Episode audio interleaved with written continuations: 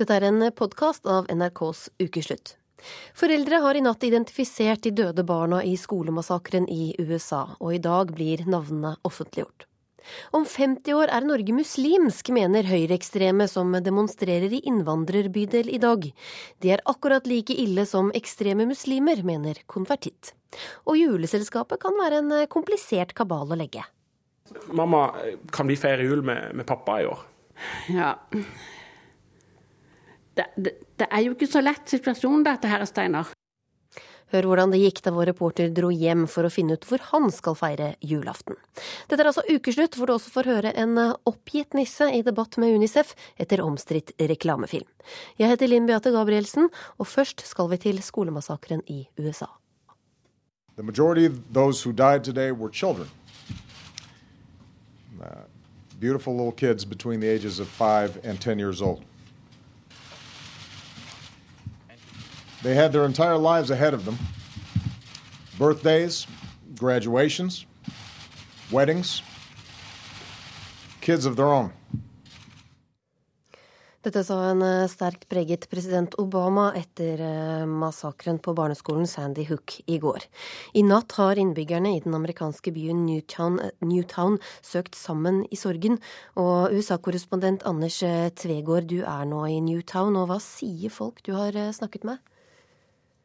Her er det sjokk og fortvilelse. Det er sorg i, i, Newtown. I natt så har eh, alle kirker vært åpne, folk har funnet sammen.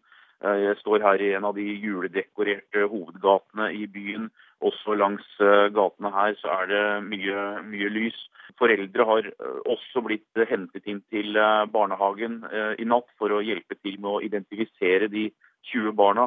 Og eh, når USA våkner eh, lørdag, så er det også ventet at eh, det blir en offentliggjøring med navn og bilde av de 20 barna som ble henrettet, og også de voksne. Mannen som sto bak massakren var 20 år og het Adam Lanza. Hva skjedde da han kom til skolen? Han var maskert, og han gikk Eh, målrettet til eh, klasserommet der eh, mora arbeidet. Drepte henne, drepte også 18 barn der. Dramaet utspant seg i to klasserom. Gjerningsmannen han skjøt flere voksne, også rektor og skolepsykologen. Og, og, og, det endte med at han altså tok sitt eget liv i, i klasserommet. Vet man noe mer om hva som kan ha vært motivet hans? Motivet er fortsatt uklart, og politiet intervjuer nå alle som kan ha kjennskap til 20-åringen. Eh, han um, var tidligere elev på skolen. Han bodde nå hjemme hos mora si, som da var lærer på skolen. Storebroren hans forteller at gjerningsmannen hadde personlighetsforstyrrelser og et innslag av autisme. Men det er så mange spørsmål her, og politiet lover at de vil gjøre det de kan for å komme til bunns i dette. Å, uh, dette er jo en av de verste skolemassakrene i USAs historie. Ifølge CBS så var våpenet som ble brukt helt uh, lovlig, og i går så sa Obama at det kan bli aktuelt å se på våpenloven uh, etter dette. Men hvorfor står våpenloven så sterkt i USA? Her er det mektige lobbyister, og det er også mange amerikanere som mener at Grunnloven gir dem rett til å bære våpen. Skolemassakren bringer temaet naturlig nok på banen igjen. Det var en eh, demonstrasjon utenfor Det hvite hus i går kveld med krav om at presidenten prioriterer kampen mot skytevåpen eh, framover. New Yorks borgermester Michael Bloomberg han er en av de mest kjente aktivistene for strengere våpenlover. Han uh, gjentar at USA ikke har sett lederskap verken i Det hvite hus eller Kongressen, og at tida nå er eh, inne for å handle. Eh, presidenten eh, varslet altså at det er på tide å gjøre noe uten å være konkret. Connecticut, delstaten her hvor skolemassakren skjedde, er blant de seks delstatene med strengest lovgivning. Våpnene som ble brukt under henrettelsene her i Newtown, var kjøpt lovlig av mora til gjerningsmannen. Det er mange spørsmål og det er et stort engasjement rundt våpenlovene. Debatten den starter igjen nå. Og NRKs nyhetssendinger følger denne saken utover dagen. I dag skal Norwegian Defence League sammen med Stopp islamiseringen av Europa demonstrere i gamlebyen i Oslo. Det er første gangen en slik demonstrasjon foregår i en innvandrerbydel i Norge. Den sentrale europeiske antiislamisten Anders Gravers er venta til eh, demonstrasjonen. Og Eilert eh, Sandnes, du er med i Norwegian eh, Defence League. Og hvorfor har dere valgt å demonstrere i en bydel med mange innvandrere i dag? Det er vel hovedsakelig for at uh, det er veldig mange innvandrere der. Mange av muslimsk opprinnelse. Så vi vil vel at uh, de også skal få sjanse til å høre hva vi mener om islam, og det som uh, vi syns, hvordan vi syns islam påvirker det norske samfunnet. Ja, Antirasistisk Senter mener dere gjør det for å provosere, gjør dere det? Det kan vel hende at det ligger litt provokasjon i det. Jeg skal ikke se bort ifra det. Men uh, det er ikke jeg som har bestemt at det skal foregå i gamlebyen, da. Men hva vil dere oppnå med en provokasjon, da? For å få ut budskapet. Uh, jeg tror at de som er av et flerkulturelt tankesett, de trenger å vite det de ikke ser de ikke er i stand til å se sjøl. Da trenger de å få hjelp til å forstå og se. Ja, Hva er det dere mener de trenger å se? At uh, islamiseringen av Norge er ikke bra. Jeg uh, ser på det som at uh, de prøver å undergrave det norske demokratiet og norsk kultur. Hvordan foregår dette, da? Jeg begynner vel, jeg ser det som at det begynner allerede i barnehagen. Jeg skal ikke påstå at det er alle barnehager i Norge, heller ikke alle skoler i Norge. Men jeg vil påstå at uh, i barnehagen begynner det med at uh, norske barn nå ikke får lov til å feire Jesus. I veldig mange barnehager så er det sånn. Du får lov til å feire Jesus fødsel i jula. Men hvis uh, Muhammed skal feires, så må alle barn være med for å vise solidaritet på feiringa. Det er nok noen som er uh, uenig med deg akkurat. Jeg vil ha med en som heter Josef Barto Asidik. Og du skal i dag delta på en uh, motedemonstrasjon hvor du også skal holde en uh, appell. Hvorfor ja. er det viktig med en motdemonstrasjon? Nei, altså det er jo det at også Jeg er jo mot folk som prøver å undergrave demokratiet. Og det er de fleste muslimer også. Og det er jo heldigvis ikke veldig mange av dem. Eh, det er kanskje maks 100 stykker, og da føler jeg at Sian og Norwegian Defence League burde ta det opp med dem. Også, vi helt vanlige muslimer vi har ikke noe ønske om å ta over Norge, og vi har heller ikke noe ønske om å fjerne Jesus fra noe som helst. Altså, jeg sitter med nisselue nå. Jeg, jeg hjem til foreldrene mine og, og, og deltatt på julefeiring der, da. Og det er jo det er jo de som ikke tror, som er mest interessert i det å fjerne eh, religiøsitet generelt fra skolen. Da. Så jeg føler at det å, å ta det ut på muslimer og fremmedkulturelle, det blir eh, skivebom, rett og slett. Hva sier du til det, Sandnes? Eh, vi tar det jo ikke ut på det. Vi poengterer hva som skjer i norske barnehager og norske skoler. Men dere mener jo at det er islamiseringen som er skyld i at det skjer, og det er det jo ikke. fordi også det er mange muslimer som til og med deltar på julegudstjenester, og som syns det er kjempemoro med juleverksted og juleavslutninger. og jeg ser ikke helt hvor dere har funnet ut at det er vi som ønsker å fjerne dette her fra mm, skole og barnehage, da. Vel, nå så jeg på en uh, debatt på NRK, faktisk, hvor uh, Hege Storhaug var til stede. Og mhm. eh, en representant fra Islamsk råd i Norge. Sa han at han ikke ønska å feire jul eller fjerne noe fra barnehagen og skolen? Han eh, ola seg på en sånn måte at eh, jeg fikk inntrykk av at det lå en veldig kraftig undertone i alt han sa. Så og, man skal også tolke undertoner, man skal ikke se på hva folk sier. Eh, og det er en gjengående ting som jeg opplever hos en del å si om, det er at folk vet bedre enn meg selv hva jeg tenker, hva jeg mener og hva jeg føler. Og det er en god grunn for meg til å møte opp på denne demonstrasjonen i dag. Men hvorfor tror du at de ikke eh, tør å si høyt det du mener de egentlig mener? Hvorfor de ikke tør å si høyt? Ja, hvorfor, de, hvorfor du mener at de ikke tør å si det rett ut, da, hvis de vil eh, avskaffe jul og julefeiring og den slags?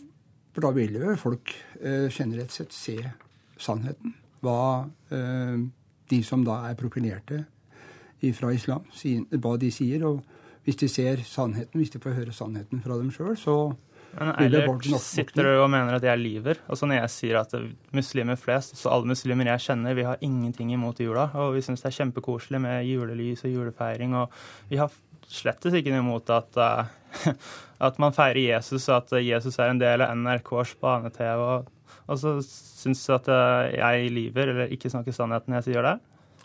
Nei, jeg tror du er villedet. Jeg er villedet, så jeg vet ikke bedre. Det har vært mange situasjoner i verden hvor folk har blitt villedet. Mange millioner har blitt villedet. Men da har jeg et spørsmål til deg. Kan det ikke være at det er dere som er villedet? Altså at det ikke er alle oss muslimer som lyver, som er villedet, og som ikke snakker sant, men at det kanskje er dere som ikke helt vet hva vi står for? Nå sa jeg vel ikke egentlig at alle muslimer tenker sånn, men det er en elite, og de har mye større makt enn at det, den dagen som La oss si at Norge blir så, får såpass mange muslimer at eh, de da er i overtall som, eh, som eh, lands, eh, statsborgere i Norge og har muligheter til å bestemme hvem som skal sitte på Stortinget. Når de er i overtall, så har de stor mulighet til å endre Grunnloven til fordel for seg, og da kan de forkaste norsk demokrati og bestemme at det skal være islamske lover, det skal være sharia. Men, men Sanner, eh, eh, det er, ikke, det er jo ikke mange som stiller opp på, på deres eh, demonstrasjoner. Hvorfor tror du så få nordmenn ikke deler deres oppfatning? Fordi at de er nordmenn, det er jo blitt fortalt i 10, kanskje 20 år, at alle de som protesterer mot islamiseringa, vi er rasister. Jeg er ingen rasist. Det, eh, jeg har tenkt litt på hva jeg sa i telefonen i går om, eh, om det, og jeg sa meg, Ola meg kanskje litt feil da. For um, jeg snakka litt med Josef, ha, eh, i stad. Og um, rasisme handler vel mye mer om, uh, om mer ting enn det jeg sa. Så um, når vi ser på helheten, så Oi, nå mista jeg helt tråden. i prata meg bort her. altså Som jeg sa tidligere til Eilert, var det at rasisme ifølge straffeloven handler om eh, hat mot noen basert på deres religion, seksuell legning eller hudfarge. Eh, og jeg føler at altså det, det å være imot alle muslimer bare pga. at vi tror på islam, det føler jeg kan kvalifisere til rasisme. Og jeg føler også at gjenverdet på andre siden, profetens umma, som er, mener at nordmenn er vantro hunder og skitne hunder, det er på lik linje rasisme. Og så Ja, hvorfor det? Nei, altså Det er en gruppetenkning. altså Man tar alle nordmenn da i en kategori og mener at de er mindre verdt enn andre på bakgrunn av at det ikke er muslimer. Så jeg føler at rasisme det går mange veier, og man må bekjempe det på alle mulige måter. Eh, Sandnes, eh, forsker Anders Djupskås mener at dere med deres demonstrasjoner nettopp kan gi næring da, til ekstreme muslimske grupper. Du er ikke redd for at eh, demonstrasjonene deres vil virke mot sin hensikt? Nei. Vi tar to, stor avstand fra ekstremisme i alle kanter. Det er noe som ikke er akseptert i det hele tatt. Vi er fredelige folk som prater om problemene, og som prøver å få budskapet ut til folket. Vi liker ikke å krangle. Tusen takk skal dere ha, Eilert Sandnes og Josef Bartho Asidik. Hvem skal eh, du feire jula med, og hvor skal du feire? I disse dager legges den store julekabalen. Og i mange familier er det ikke så lett. Det er både stemødre, stefedre, mine barn og dine barn. Reporter Steinar Solås Suvatne dro hjem til Sørlandet for å legge sin julekabal. Vil dere hjelpe til noe her? Hva er det som kommer først her? Nei, nå skal jeg ha dyrene på plass først her. Så skal vi ha den derre oksen, og så skal vi ha et esel. Når mammaen min steller i stand til jul, så må julekrybba som vanlig på plass i ganga i huset der jeg vokser opp. Jeg går bare ut ifra det var sånn. For det at de var jo ikke kommet til stallen ennå. Men sånn har vi alltid gjort i alle år. Så kommer Josefin og så Maria. Alt rundt julefeiringa i vår familie er veldig tradisjonsrikt. Men det er alt det andre som gjør jula komplisert for oss. Det, det er et stort tre med mange greiner, og det vil ta nokså lang tid å repetere dette her. Eh, jo, at det er selvfølgelig det. Jeg har jo vært gift to ganger, da. Og har barn fra begge ekteskap. Og de har barn igjen. Og nye ektefeller, nye samboere. Nei, det, det er egentlig litt sånn salig røre, dette her. Hang du med i svingene nå? Ikke jeg heller. Vi får ta og repetere. Mamma og pappa har begge ei datter hver fra tidligere ekteskap. For syv år siden så skilte de seg, og har nå begge nye kjærester. Disse nye kjærestene har selvfølgelig også to-tre barn hver fra tidligere ekteskap, og kaoset blir fullstendig komplett av at mamma og pappas første partnere også har gifta seg på nytt, til og med to ganger, og fått flere barn. Mamma sier det egentlig altså best. Det er et salig rør av mine, dine, ekser og y-er. Hvem er det du inviterer til å komme og feire julaften med oss her? Nei, jeg inviterer jo alle barna mine, selvfølgelig, og barnebarn. Foreldre og søsken med familie. Men ikke pappa og Ingvild? Dessverre. Sånn er situasjonen blitt at det, det var veldig vanskelig å få det forholdet til å fungere videre etterpå ei skilsmisse. Ingvild og Titti er mine storesøstre, og de er jeg veldig glad i. Ingvild er pappas, og Titti er mammas. De er godt gift med to barn hver. Heldigvis for meg så er de også bestevenner, de er tanter til hverandres barn, og de er naboer. Selv om de jo egentlig ikke deler noe genmateriale i det hele tatt. Jeg har jo følt av og til at strides litt mellom familier, hvis du skjønner. Og Det gjør man jo når man er barn. Ja. Så føler hun jo det, for hun er jo så like glad i begge to og vil jo ikke såre noen. Så da har hun jo sånn Da står en litt mellom barken og veden. Og det er en vond følelse når du er barn. Men det forandrer seg litt når en blir voksen, har i hvert fall jeg følt. Min nevø på åtte sliter også med å holde styr på vårt familietre. Farmor, farfar, mm, bestemor, mm, far, morfar, Margaret Var det alle? mm, Min mellomste søster har erfart hvordan julekvelden kan bli hjemme hos oss. blodplassering, hvem som skulle si det var, og det ble jo litt styr i ettertid, og litt sånn sånne ting som jeg syns det var litt slitsomt. For det at det Da følte jeg litt at det på en måte Jeg fikk litt bøte for, for at mamma og min far og alle hadde surra det til, rett og slett. Oppi dette står selvfølgelig også min pappa, som jo også er pappaen til min eldste søster. Hallais! Hei. I like måte. Og noe av det pappaen min vil aller mest, det er å samle familien sin til jul. Bare en eneste gang, men uten sine ekser til stede, vel å merke. Åh. Uh. Har du fyr i ovnen? Skal du være her på julaften? Jeg har vel sagt at jeg skal komme til tante Hjørdis. OK. Nei, for jeg tror du kunne komme til Ingvild òg, hvis du eh, ville. Ja, det er leit hvis jeg går til tante Hjørdis. Men du kan det jo for seg. Jeg hadde jo lyst til at eh, vi skulle feire jul sammen en gang du var med. Men, eh, um, men vi kan jo kanskje satse på det til neste år eller noe. Det hadde vært hyggelig. det? Ja. Det, det er jo bare, men det er jo sånn at som du vet at jeg skuffer jo noen uansett. Uansett så er det noen jeg må si nei til. Du kan ikke være eh, Nei. nei. For da, det, så det, det er jo veldig vanskelig. Det er jo nesten umulig med sviger når, når de blir gift også. Ja. Så det er umulig å få samla. Ja, det er det. Mm. Det er jo halve Sørlandet må involveres for at vi skal kunne feire jul. Syns du det er litt eh, leit at du, du og meg aldri får feire, eller på mange år da, ikke har feira jul sammen? Jeg, jeg syns det er litt leit, leit, ja. Det er litt leit. Men, men øh, nå er det bare sånn, så det, jeg, jeg godtar det. Men, men at, det, at det er et savn, ja. Det er det. Lukter godt. Har du mat i ovnen? Ja, det har jeg. Jeg har laga noe mat til deg. Kan du skjønne det? Du får det du vil ha. Alltid får du det, vet du. Ja. Som minstemann og samlingspunkt så får jeg det oftest som jeg vil. Men det er én ting jeg ikke kan få til.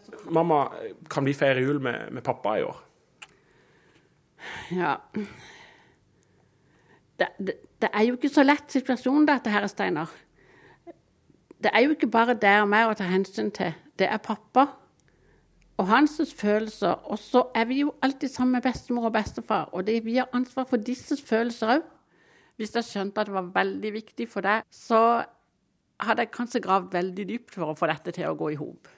Men som jeg sa i stad, så er det sånn at når ekteskap går i stykker, og det blir samlivsbrudd på noen måter, så er det sånn at har du barn, så er det barna som egentlig får lide under det. Man skal jo helst samle familien sin til jul, det hører jeg folk eh, si.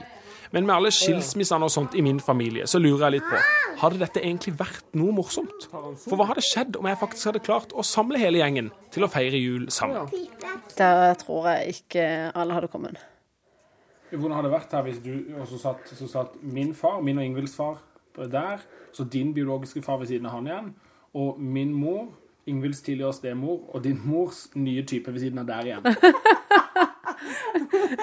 Fantastisk. Ja. Det filmes. Eh, da tror jeg jeg hadde gått ut av dette huset, for å si det sånn. For hadde vært veldig Åssen hadde du følt det, Steinar? Hva hadde du tenkt? Um, jeg hadde Jeg hadde eh, jeg hadde også ikke trivdes. Det er ingen tvil om det. Jeg hadde syntes det var kleint. Det er jo unaturlig egentlig å ha Syns jeg jo å ha alle i samme rom. Sånn eh, Min far, min stefar nummer én, min eh, nye stefar, kan du kalle det, eh, i samme rom. Det, det føles jo ikke naturlig for noen, egentlig, tror jeg. Ganske mange ganger lurer jeg på hva min svoger tenker om hun har gifta seg inn i denne familien. Det er jo å trekke fram noe som er jo bra, da. En får jo, en får jo faktisk eh, treffe tre, eh, tre veldig hyggelige familier. Så en får jo ekstra dose med gode folk. da, spør jeg deg, Kjetil, hvem er din svigerfar? Jeg trodde kanskje at jeg ville prøve å samle min storfamilie til å feire jul med meg i år. Men nå har jeg faktisk tenkt meg litt om. Og jeg tror at det viktigste er at alle har det greit der de er. Det er det jula handler om. Ingen skal måtte late som på julekvelden. Og jeg er ikke i en sånn situasjon som jeg hører noen kan være, at det er så veldig greit å feire med x-er og y-er og hva det måtte være.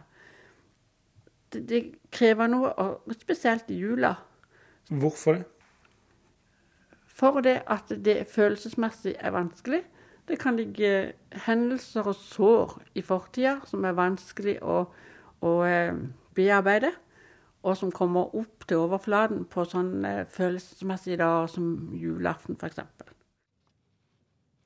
Psykolog Peder Kjøs, hva, hva skal man gjøre når ikke hele familien ønsker å feire jul sammen? Ja, det er, jo, det er jo kjempevanskelig. Og sånn som man hører om her, at det går egentlig ikke an. Det lar seg ikke gjøre å få det til å gå opp. Så det man må gjøre, er på en måte å endre eh, utgangspunktet, endre forestillingene om hva det skal være. Og prøve å gå fra det ideelle til det mulige, og så får det være bra nok, liksom. Um, ja. Man må, Hvilke forestillinger er det dette her liksom rører ved? det rører litt ved den derre alle hjem til jul, eh, Prøysen-jula, liksom. Eh, som jo er en eh, illusjon. Det har vel antagelig aldri vært sånn, og det er i hvert fall ikke sånn nå. Eh, sånn at det blir et sånt idealbilde da, som ikke har noen rot i noen virkelighet, egentlig. Hører eh, moren her til Steinar. Hun er jo for så vidt villig da, til å liksom ta seg sammen siden det er jul, og, og holde ut. Men er det riktig? Skal man holde ut med de man vanligvis ikke holder ut med fordi det er jul? Jeg syns jo det er et litt trist utgangspunkt hvis man skal holde ut. Eh, Det hun vel også sa noen ting om, er, eh, som jeg syns var fint, var noe med det med ansvar for andres følelser, eh, og at man må ta hensyn da til at det må bli mest mulig ok for ungene. da. For Det blir jo gjerne det som blir utgangspunktet for det kompromisset man må lage som voksen. da. At man prøver å unngå at det blir eh, ugreit for ungene. Det er jo ikke bare skilsmisser som eh, splitter eh, familier, det finnes jo andre typer konflikter også. Og hva skal man da gjøre når eh, tante Ture ikke vil komme fordi onkel Per kommer? Ja, da syns jeg vel at tante Ture kan slippe å komme. Er ikke det greit? Jeg, syns på en måte at man får invitere de man har lyst til å ha der. Og så er det jo fint om folk tar litt ansvar sjøl òg. Og jeg syns den familien som snakker sammen her, de hadde en sånn eh, måte å unngå konflikter eller unngå konfrontasjon på som jeg egentlig syns var veldig fin. da.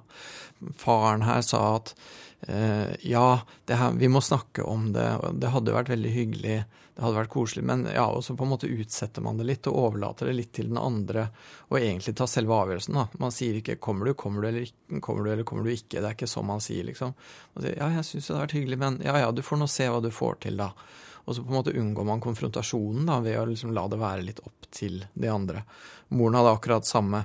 Eh, Han sier 'ja, men eh, kan pappa komme?' Og så sier hun 'ja, det blir vanskelig'. Så sier både ja og det blir vanskelig, og egentlig overlater det litt til han, da. Og det, det er på en måte en måte å kommunisere på hvor det går an å få til å løse konflikter litt sånn uten å konfrontere dem helt, da. Men hva hvis uh, disse menneskene som ikke liker hverandre, da, likevel ender opp i samme juleselskap? Mm. Er det noen måte man liksom kan forberede det best mulig på?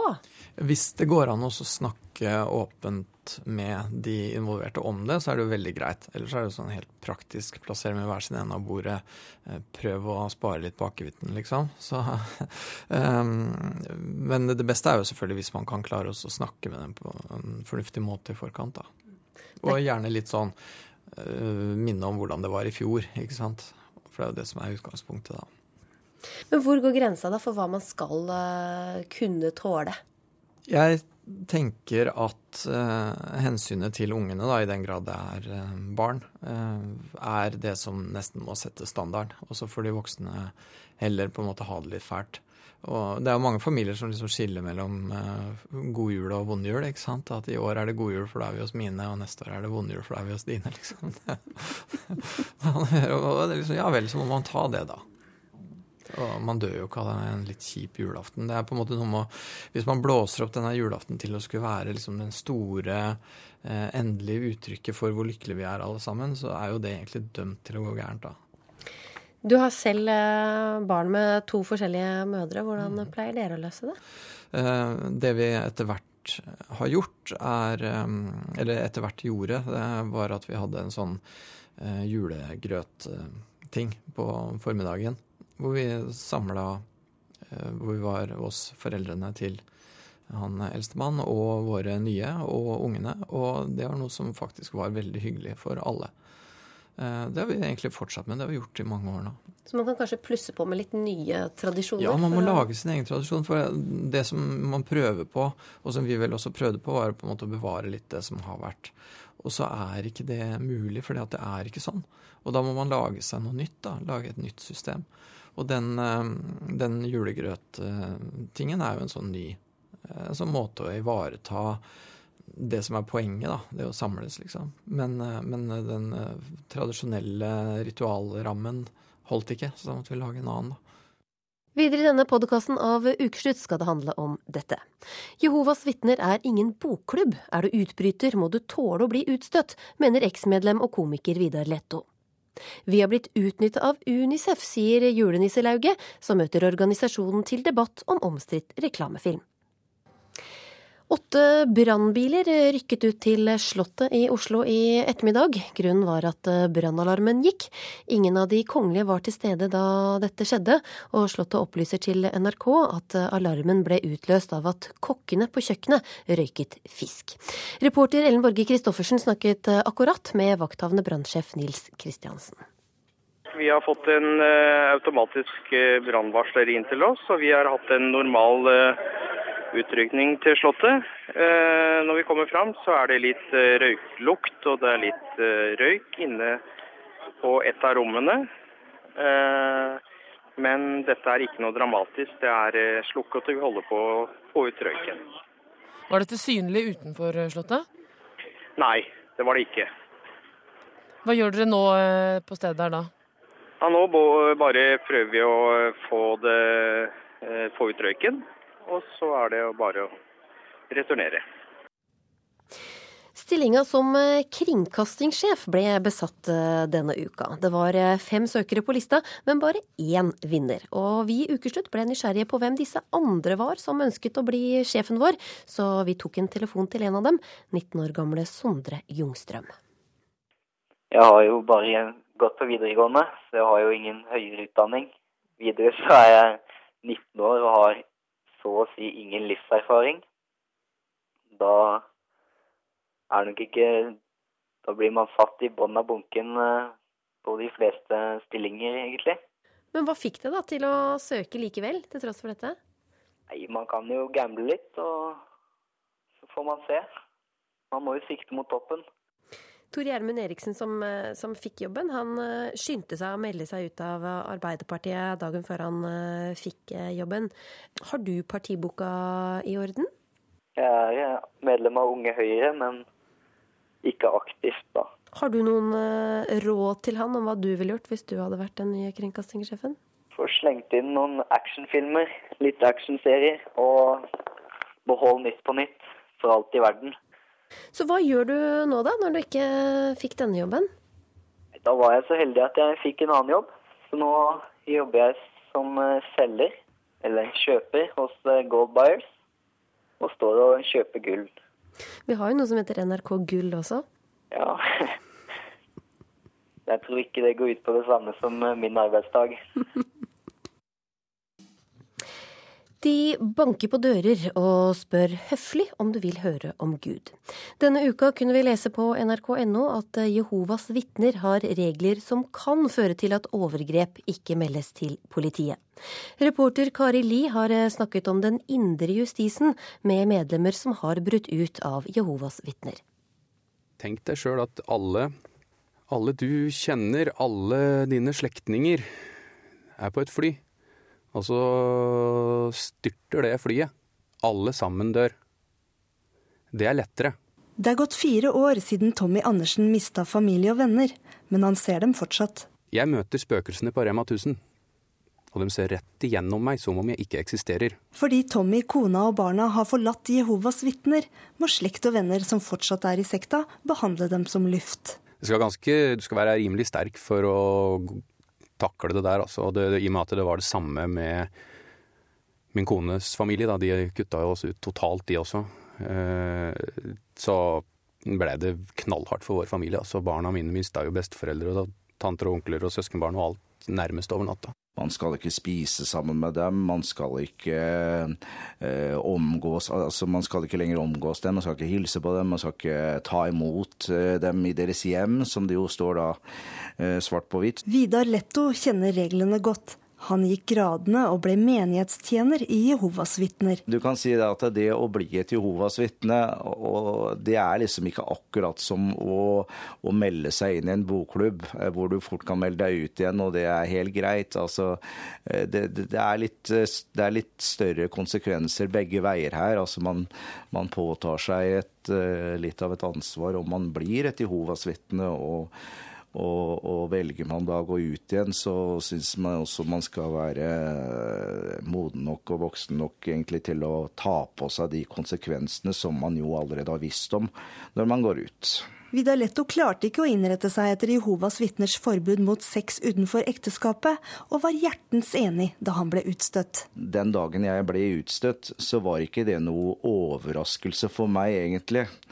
Og jeg syns jo av og til at det virker som når andre står fram som at dette har kommet som lyn fra klar himmel. Altså dette vet man om eh, hele veien når man er et Jehovas vitne. Eh, dette er jo en bok som er rettet mot eh, unge Jehovas vitner. Hege Kristin Ringnes tar doktorgrad på Jehovas vitner og har studert bøkene de gir ut. Hvordan kan jeg stå imot gruppepress, f.eks.? Det første de tar opp her, er kjærester og sex. Det er veldig sentralt i veiledningslitteraturen for ungdom, ja. Mm. Eh, og det kan jo også henge sammen med at den vanligste eksklusjonsgrunnen i Jehovas vitner, det er jo også sex utenfor ekteskap. Så dette er jo en tematikk som er viktig. Denne uka kom det fram at Jehovas vitners indre justis har gjort at overgrep ikke er blitt meldt til politiet. Det er jo en situasjon i Jehovas vitner hvor man ønsker å fremstå på en bra måte. Eh, og det kan jo være en risiko for å holde ting internt. Det kan det. Men at Jehovas vitner rekrutterer noen flere pedofile enn andre grupper, det, det har jeg ikke noe grunnlag for å vite noe om. Det er stengt. Vi står utenfor Jehovas vitners stevnesal sørøst i Oslo. Det er litt rart å være her igjen. Veldig rart. Tommy Andersen tror ikke lenger på det han fikk høre på møtene her, men frykten for Harmageddon, verdens undergang, henger fortsatt i. Uh, det verste med å vokse opp som Jehovas vitne for meg, uh, var uh, at, skulle, at, alle som ikke var Jehovas vitne, de skulle drepes. Det var, det var, nesten ikke noe vits å bli kjent med folk. Liksom. De skulle jo drepes hvert øyeblikk allikevel. For det er jo alltid en krig og en katastrofe rundt omkring i verden. ikke sant? Og alt det var et tegn på de siste dager. Og så var det et jordskjelv i Kina. Nå begynner det. Nå er Armageddon i gang. Var det, var det en bombe som sprang i Beirut, så var det nå er Armageddon i gang. ja, det er en del sånne automatiske reaksjoner. Jeg vet jo at det ikke er slik i dag, men eh, jeg kan kjenne det på kroppen eh, fortsatt, altså. Det Tommy Andersen er blitt ateist og leder Hjelpekilden, hvor tidligere sektmedlemmer kan søke råd. Vidar Letto tror fortsatt på det han lærte av Jehovas vitner. Sånn som jeg ser det nå, jeg tror jo på Gud, så da kan man sjøl tenke seg hva, hva, jeg tror at det kommer Altså at det en eller annen dag så, så, får Gud nok. At det nå er nok nok. Det er nok grusomheter i verden. Det er nok lidelse. Det er nok eh, både naturkatastrofer, det er nok eh, voldelige menn, og, det, og ja, det som har blitt nevnt, seksuelle overgripere. Eh, og disse må bort, fordi at vi kan ikke ha et sånt samfunn lenger. Når skjer det, da? Det er det ingen som vet. Ja, altså Gud vet jo det, da, selvfølgelig, men ingen andre vet det. Og NRK har forsøkt flere ganger denne uka å få et intervju med ledelsen i Jehovas vitner. De tilbakeviser i en e-post at uh, overgrep ikke meldes til uh, politiet. Hey?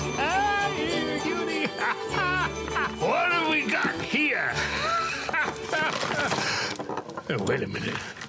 This ain't no Christmas gift. So, you buy this products for your friend, and all this stuff goes to poor kids. Like in Africa? And your friend only gets a gift card. What am I supposed to say when I hand this out? Ho, ho, ho.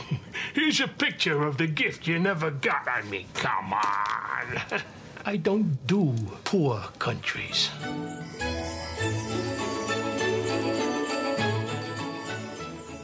Den eh, slemme nissen som sier han ikke besøker fattige land, har vakt eh, harme blant folk midt i adventstida og juleshoppingen. Reklamen har eh, også tredoblet salget til Unicef, til tross for at nissen foraktfullt sier at han ikke kan gi folk et bilde av gaven deres i stedet for en gave, slik Unicef jo gjør.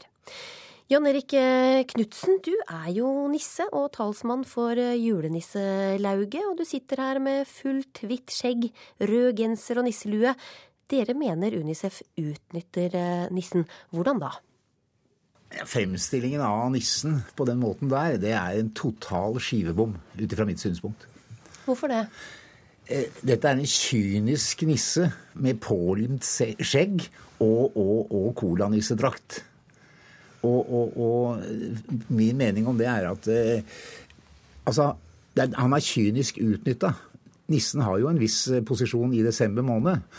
Og det jeg lurer på med det, hva er målgruppen for den reklamen? Bernt Apeland, du er eh, generalsekretær i Unicef altså, selv voksne smiler jo når eh, nissen her kom inn på huset på NRK, og så kommer dere og ødelegger eh, illusjonen vår. Hvorfor det? Skal du komme fram med viktig budskap, så må du bruke sterke symboler. Og det er vel få symboler som er sterkere i juletida enn nettopp julenissen. Og da må man regne med engasjement når man bruker det. For vår del så har det vært viktig å inspirere nordmenn eh, til å bruke noe av sin overflod til å hjelpe de som virkelig, virkelig trenger det. Det er jo sånn at det er anslått at vi kommer til å bruke 50 milliarder kroner og mer enn det på den norske julefeiringa i år. Og bare For å sette det i perspektiv, så er det tre ganger så mye som det Unicef bruker i hele verden i løpet av ett år. Og Det betyr at eh, vi tenker at det må være mulig å bruke litt av den overfloden vi har eh, på barn som virkelig, virkelig trenger det, samtidig som vi kan unne oss alle en veldig god jul sammen, og sammen med julenissen. Julenisse Knutsen, har ikke Unicef litt rett, da? Altså, det er jo ikke, Nissen drar ikke til alle fattige land? Jo da, vi drar. Jo da, det gjør vi. Det er, det er, det er nisser i alle fattige land. Men altså, her har, en, her har vi en måte som hensikten hellige middelet. Vi gjør hva som helst for å få oppmerksomhet. Og det er en kynisk utnyttelse da av julenissen her. Mm. Men hvordan, eh, hvordan, går det utover nissens eh, rykte, syns du? Jeg tror de som, er, de som er glad i nissen, de er glad i nissen likevel. Men vi skal huske på det, dette her er seriøs galskap. Og vi ønsker å fremstå som det gode. Det er det vi ønsker å fremstå som. Og her er vi kynisk utnytta, og det finner vi oss ikke i. Du har også med deg din eh, oldemann i, i julenisselauget, Ole Bele. Hvilke tanker har du gjort deg om hvordan eh, eh, nissen utnytter dere, nei, Unicef utnytter dere slik dere ser det? Ja, just nissen fremstilles jo i dette, denne filmen som eh, slem. Eh, og, for meg litt frastøtende. Eh, altså i det norske julenisselauget, eh, som er en sammenslutning av nisser i, i Norge, så prøver vi jo å fremstille nissen som den gode. Han gir gaver, ja. men vi støtter også fattige land, barn i fattige land, med å, at vi samler inn penger. Det står jo i våre lover at vi skal gi 10% av våre inntekter til, eh, til fattige barn. Og på den måten så, så støtter vi opp under det som Unicef egentlig ønsker å få fram med filmen. Men vi mener at den kunne ha vært fremstilt på en annen måte. Eh, som en snillere nisse. Ja, Apeland, måtte dere tråkke på nissen for å få fram dette budskapet? Jeg opplever ikke at vi tråkker på nissen. Vi har laget en film som har et glimt i øyet, som setter nissen i et, eh, et annet perspektiv enn det vanligvis nissen blir satt i. Eh, Og jeg opplever at de aller fleste tar poenget, at dette handler om å skape en refleksjon og en ettertanke, og aller helst en handling i forhold til at man i tillegg til å ønske seg selv og sine egne barn og sin nærmeste familie en god jul, og eh, der, er jo, der spiller jo nissen en viktig rolle, så eh, skal man også bringe inn solidaritetsbudskapet solidaritetsbudskap i julen. Og Der tenker jeg at faktisk eh, julenissen og julenisselauget har også en liten jobb å gjøre, fordi eh, dere er eh, forbundet med eh, å oppfylle de ønskene vi har. Og hva ønsker jeg meg? Eh, jeg tenker at Dere kan også være med og bidra, for der tror jeg dere har en veldig viktig rollemodell til å eh, inspirere barn til å eh, også spørre hva har jeg eller du lyst til å dele med andre i den julen som nå kommer. Hva sier du til det, Knutsen? Jo, jeg sier det at eh, nå skal vi ha nissesamling på Savalen. Vi skal ha Wintergame på Sa- Savalen den andre helga i januar. I hele Viken. Der skal vi også ha et juleversitet, og da inviterer jeg herr Apeland opp til Savalen, så vi muligens kan innlede det samarbeidet som han ønsker seg. Hvor han da ser litt altså, og, og, og får en, en viss innføring i nissefilosofien. Apeland, eh, mange har jo også, det er jo veldig mange som har eh, skrevet inn på deres eh, Facebook-side, og noen skriver til og med at de slutter å støtte dere pga. denne kampanjen. Er det greit å behandle kundene sine sånn, da? Ja, jo, har, Våre kunder er barna. Eh, og det er én milliard barn i verden i dag som eh, virkelig trenger hjelp. De trenger vaksiner for å overleve. De trenger eh, skoler og skoleutstyr for å kunne utvikle seg og blomstre. Eh, Og det er jo det vi ønsker å bidra til. Det som er flott, syns jeg, er å se at de aller, aller fleste reagerer veldig positivt. Så det virker, og det tenker jeg at da har vi funnet en eh, måte å snakke til det norske folk på som eh, vi skal faktisk fortsette med, selv om det skaper eh, engasjement. Ja, Julenissen, har ikke, har ikke du allerede solgt sjela di til kommersen og til Coca-Cola, da? Jeg er ikke noe colanisse. Absolutt ikke. Jeg er en norsk nisse. Fra innerst til ytterst. Norsk fjøsnisse. Ville Unicef-nissen eh, sluppet inn i julenisselauget? Sånn som han fremstår der, ville han absolutt ikke ha sluppet inn i nisselauget. Absolutt ikke. Hva ville dere gjort med den? Jeg ville tatt den på universitetet. Omskolering. Det er det han trenger. Og vi får be nissene kjøre pent med sleden når dere nå drar eh, videre, for eh, snøværet det skaper eh, kaos i dag. Flere hundre bilister og togpassasjerer har i natt stått fast i vind og enorme snømengder i Rogaland. Reporter Hilde Torgersen leverte denne rapporten fra snøkaoset på Jæren for få minutter siden. Det er altså midt på dagen lørdag. Vi står på Jæren, på Håland Oppstadveien. Eh, det blåser veldig kraftig. Veien er stengt eh, rett og slett fordi at en bil har gitt opp å komme videre og står midt i veien med nødlys, og er nå nærmest nedsnødd av eh. Det blåser som sagt eh, veldig kraftig, og det betyr òg at folk ikke har eh, kommet seg hjem sånn som de skulle. Jeg står med en som har ikke vært hjemme på to eh, døgn, rett og slett pga. at eh, huset har vært innesnødd og det har vært umulig å komme fram. Glenn Anne Riise, hvordan har du hatt det de siste to døgna? Jeg har hatt det nokså greit. Jeg har vært med på kommunen og brøtt og leie svigermor to netter, så det gir ganske godt. Det er det. Det må hjelpes til med noe, så Men nå skal jeg hjem. Ja, hvordan skal du klare å komme deg hjem nå? Nei, nå venter jeg på en scooter, så det skal nok gå godt. Har du opplevd noe lignende som dette før på Jæren? Nei, ikke sånn som dette her. Det er ikke på så kort tid. Så mye snø. Det har jeg ikke. Og her på Jæren så er altså Røde Kors i høy beredskap. De har eh, åtte snøscooterpatruljer ute og hjelper folk som er innesnødde. I tillegg så er stort sett alt som finnes av traktorer på Jæren ute og hjelper til for å brøyte vekk eh, løssnø rundt omkring. Du har hørt en podkast av eh, Ukeslutt. Ansvarlig for eh, sendinga var Ida Tune Øritsland. Teknisk ansvarlig Finn Lie, og i studio Linn Beate Gabrielsen.